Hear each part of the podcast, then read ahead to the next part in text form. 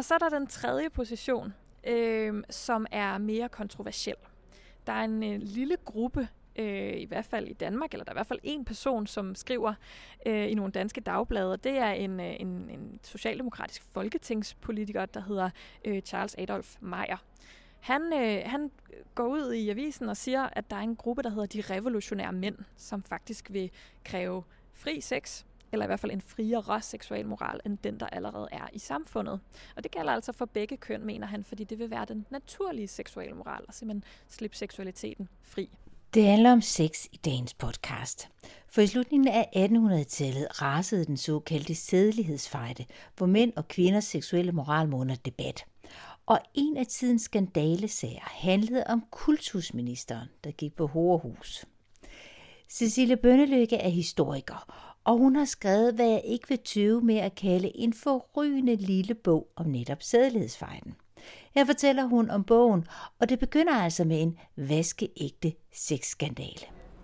Det er øh, først og fremmest øh, og mest konkret en historie om en vaskeægte sexskandale, øh, som rammer Danmark i øh, vinteren 1887, hvor øh, der faktisk er valgdag, altså der er valg til Folketinget, øh, på torvet i Storhedinge.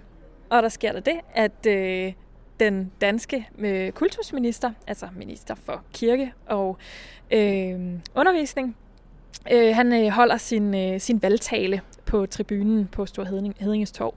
Øh, og da han er færdig med det, så træder der altså en mand op på den her scene for at stille et spørgsmål til kultusministerens tale. Og den mand hedder øh, Ingemann Petersen, og han, øh, han starter simpelthen den her skandale ved decideret at anklage kultusministeren for at have været på Horehus. Og det, øh, det vækker selvfølgelig ret stor forarvelse i vælgerforsamlingen, og, og det resonerer ud i, i samfundet helt generelt, fordi det bliver til lidt af en, øh, en skandale, og det udmyndter sig faktisk også endeligt i en, øh, en, en, en juriesag imellem øh, Ingemann Petersen øh, og, og kultusminister Skavenius. Og det er en sag, der løber over flere år faktisk, og som får gravet sådan pænt meget smus om, om kultusministeren frem. Men for lige at gøre den færdig, inden vi taler mere sædlighedsfejde. Har han været på Hårhus? Øh, efter al sandsynlighed, ja, det har han. Øh, men det bliver faktisk aldrig bevist rigtigt, og øh, heller ikke øh, i løbet af, af retssagen lykkedes det øh, Ingemann Petersen at, at få, få ført bevis for sine, øh, sine anklager. Øh, til gengæld så øh, finder man så frem til, at, at Scavenius i løbet af retssagen både har bestukket øh, vidner, og også fået ret vigtige vidner til at forsvinde. Så der, så, der kommer nogle andre tvivlsomme ting om, om Scavenius øh, moral frem. Og her for eftertiden må vi også bare sige, at altså med al sandsynlighed har Scavenius bestemt befundet sig på det horehus øh, den aften, hvor Ingemann Petersen har anklaget ham for at være der. Han var en, en kendt øh, dameglad person, øh, også af sin, sin samtid, øh, og man kan også finde breve fra den. Øh, nogle af de øh, elskerinder, han har haft i hans arkiv, øh, selv i dag faktisk. Så, så jo, altså, der er ikke nogen rygende pistol, men øh, alt tyder på, at han bestemt har været der. Og det er jo en yderst pikant historie, men hvordan taler den ind i den her store sædelighedsfejde?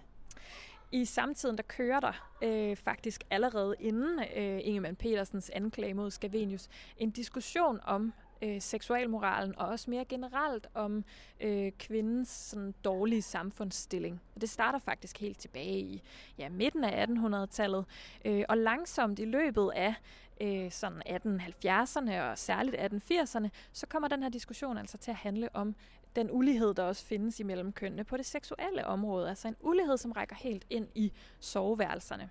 Og der bliver øh, den her sag mellem Ingemann Petersen og Skavenius og hele den sexskandale et virkelig sådan konkret og håndfast og også næsten komisk eksempel på den, den bredere samfundsdebat, der kører, og som jo altså hedder sædelighedsfejden. Ja, fordi når jeg tænker på sædelighedsfejden, man skal ikke have gået særlig meget i den danske folkeskole eller i gymnasiet.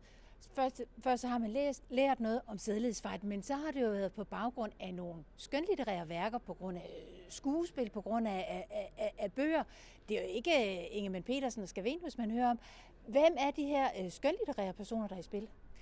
Jamen det er, det er jo den her lille øh, kulturelle nordiske elite, fordi sædelighedsfejden begrænser sig absolut ikke kun til Danmark, den foregår også i, i Sverige og Norge. Øhm, og rigtig mange af de diskussioner, der handler om seksualmoralen, bliver nemlig ført inden for den, den litterære øh, og sådan set også kunstneriske øh, sfære, kan man sige. Og der, øh, der kan man sådan pege på nogle forskellige øh, opinioner eller sådan meningsretninger, øh, som, som Øh, godt matcher den, den øvrige diskussion, der kører i for eksempel i, i dagbladene i, i Danmark. Øh, og de sådan tre øh, positioner, man kan sådan udkrystallisere, det er den her konservative opinion, øh, som i det hele taget ikke ytrer sig særlig meget i, i diskussionen om, om kønsmoralen. Og det er der en god grund til, nemlig at den konservative opinion slet ikke mente, at man burde tale om det her det øh, var simpelthen fordærvende overhovedet at berøre de her meget, meget pikante emner, så man skulle helst bare tige stille og lade det være, som alting var. Så er der en anden position, øh, som bliver ret populær, og hvis man endelig skal tale om en vinder af sædlighedsfejden, øh, så, så er det nok den her position, vi skal have fat i. Og den position kan kaldes for øh, handskemoralen, eller handskemoralisterne. Den position bliver anført af en øh, norsk skuespilforfatter, der hedder Bjørn Stjerne Bjørnsson. Og han øh, fremfører det her, øh, den her hanske-moral, som den bliver kaldt, i sit stykke fra 1883, En hanske, som netop sætter den her seksuelle dobbeltmoral, som han mener hersker i, i, i samfundet, øh, på spidsen, og kommer også med et løsningsforslag, øh, nemlig at man skal kræve lige kyskhed for både mænd og kvinder. Altså så mændene skal ikke have større seksuel frihed end kvinderne, men begge køn skal holde sig fuldstændig kyske og holde benene samlet ind til ægteskabet. Kort og godt. Og så er der den tredje position, øh, som er mere kontroversiel. Der er en øh, lille gruppe, øh, i hvert fald i Danmark, eller der er i hvert fald en person, som skriver øh, i nogle danske dagblade. Det er en, øh, en, en socialdemokratisk folketingspolitiker, der hedder øh, Charles Adolf Meyer. Han, øh, han går ud i avisen og siger, at der er en gruppe, der hedder de revolutionære mænd, som faktisk vil kræve fri sex eller i hvert fald en friere seksuel moral, end den, der allerede er i samfundet. Og det gælder altså for begge køn, mener han, fordi det vil være den naturlige seksuelle moral, og simpelthen slippe seksualiteten fri. Og det er en, øh, en, en position, som der ikke er ret mange, der abonnerer på, eller i hvert fald er der ikke ret mange, som tør skrive om det offentligt, fordi de fleste udmærket godt ved på det her tidspunkt, at det er et virkelig kontroversielt synspunkt at have. Særligt er der meget, meget få kvinder især, der, øh, der udtrykker sympati for den her, øh, den her retning, fordi det simpelthen er for risikabelt rent socialt at, at gå ud og sige sådan nogle øh, halvfarlige ting på det her tidspunkt. Fordi det, det skal, der bliver vi lige nødt til at holde den, fordi du har jo kun talt om mænd indtil videre. Det kan jo godt være, at det handler om seksuel, seksuel moral for mænd og kvinder, men det er mænd, der ytrer sig. Hvad er det med de her kvinder i det her spil? Hvis vi lige tager i forlængelse af den her med fri sex til alle, hvorfor melder de ikke ind der og siger, det, går, det vil vi ikke have, eller det vil vi gerne have? Jamen, det er et rigtig godt spørgsmål, fordi de, altså, den nutidige øh, øh, dansker vil nok sige, hvorfor benytter kvinderne ikke lejligheden til at komme ind i debatten her og sige, jamen, vi vil have større seksuel frigørelse. Hvorfor sker det ikke her? Og det er der en god forklaring på. Der er faktisk kvinder, der blander sig i debatten, skal det lige siges. Øhm, og det er en ret vigtig ting, fordi det er første gang, at kvinderne sådan set tager ordet i den her meget pikante debat om seksualmoralen, som hidtil har været fuldstændig monopoliseret af øh, sagkundskabens mænd, altså læger, jurister, præster, den slags. Øh, men der er altså nogle få kvinder, som tager ordet her. Øh, for eksempel Elisabeth Grundtvig, øh, som er medlem af Dansk Kvindesamfund, på hvis vegne hun dog ikke taler, fordi der er ikke noget officielt dansk kvindesamfund øh, synspunkt i den her debat, men hun går ud og, og støtter faktisk op om, om Bjørnsons hanske moral og kræver altså, øh, eller fremsætter det her sædelige lighedskrav, som hun siger det, nemlig at mænd og kvinder skal øh, være lige kyske ind til ægteskabet, for det er den eneste måde, man kan værne om familien på, som er samfundets grundpille. Og familien skal også ses som årsagen til, hvorfor der ikke er flere kvinder, der går ind og snakker om fri sex eller kræver større seksuel frihed eller ligestilling. Fordi øh, ægteskabet er kvindens værn på det her tidspunkt. Og hvis man som kvinde går ud og, og argumenterer for fri sex, jamen, så vil det sådan set være at, næsten at grave sin egen grav på det her tidspunkt. Fordi kvinden er på så mange punkter i, øh, i 1800-tallet underlagt manden, så er det ret vigtigt for en kvinde at være, være gift, og helst også godt gift. Det vil sige, at hvis man begynder at tale om fri sex, øh, så kan det føre til uægte børn, som kvinden så står med ansvaret for, uden en mand eventuelt. Hvis man taler om at opløse ægteskaber øh, og den slags, jamen, så vil det netop rokke ved det her øh, kvindens sikkerhedsnet, som er så vigtigt for, for kvinderne på det her tidspunkt. Så derfor vil det slet ikke kunne betale sig eller give mening for kvinder at gå ud og argumentere for, for fri sex. Det er først noget, der kommer langt, langt senere. Altså først i, øh, i midten af det 20. århundrede ser vi øh, rigtige seksualmoralske øh, paragrafer kom ind i dansk kvindesamfunds øh, formål faktisk. Og det er et tegn på, at det først langt senere, der er nogle samfundsvilkår, der ændrer sig, så det giver mening for kvinderne at, at argumentere for, for øh, seksuel frigørelse.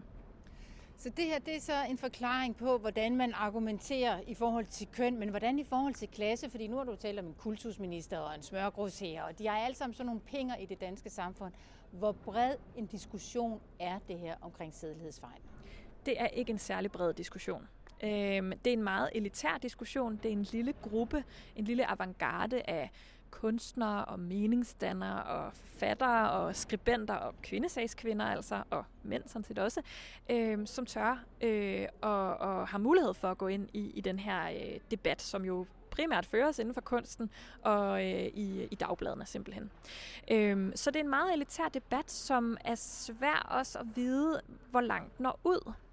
Øhm, fordi vi kan jo af god grund ikke læse os til i kilderne, hvad den brede almene befolkning har ment, fordi de meget sjældent giver udtryk for deres tanker og holdninger øh, i skriftligt materiale, som, som historikere kan bruge.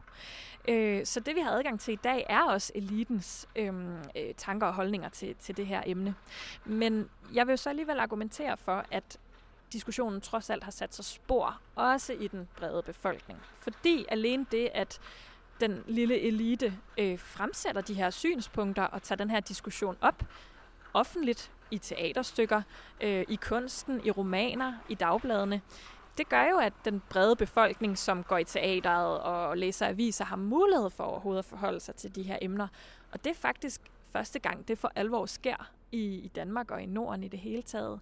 Så igennem sædelighedsfejden og dens diskussioner bliver den Øh, danske befolkning eller den nordiske befolkning gjort bekendt med, at seksualmoralen overhovedet er noget, der kan diskuteres, og som er noget, der måske også i sidste ende kan ændres. Altså det er et, et historisk og, og plastisk fænomen. Og det må jo siges at være forudsætningen for de mange senere debatter, der følger om køn og moral og ægteskab og skilsmisse og lyst og det hele, øh, hvad vi ellers diskuterer ja, helt op til i dag. Ja, fordi det bliver så det sidste herfra, altså fordi det, det er jo noget af det, der fungerer super fint i din bog, udover den her beskrivelse af, hvad der sker øh, historisk, så er det jo, at du trækker trådene op til i dag. Hvor ser vi sporene i dag? Ja, altså et meget aktuelt eksempel øh, er jo den her MeToo-debat, som har, har kørt øh, i et par år nu. Øh, og selvom der selvfølgelig er nogle vilkår, som er radikalt forandret, altså debatten foregår jo på nogle helt andre medier, end man overhovedet havde i, i 1800-tallet, så er der alligevel øh, nogle ret stærke genklange fra, fra 1800-tallets sædelighedsfejde. Det er øh, sådan det intime forhold imellem kønnene, vi, vi diskuterer under MeToo, og det har givet anledning til en masse andre diskussioner om øh, magt og privilegier, om øh, vold og om ligestilling imellem kønnene. Øhm, og det, det mener jeg bestemt er en debat, som beror på øh, at stå på skuldrene af de modige folk, der tilbage i 1800-tallet for 130 år siden begyndte overhovedet at diskutere de her emner og lagde seksualmoralen ud som noget, der overhovedet kunne og skulle diskuteres. Og tror du, Cecilie Bønnelykke, at den her diskussion den stopper? Nej, det tror jeg ikke. Jeg tror, at den bliver ved for altid.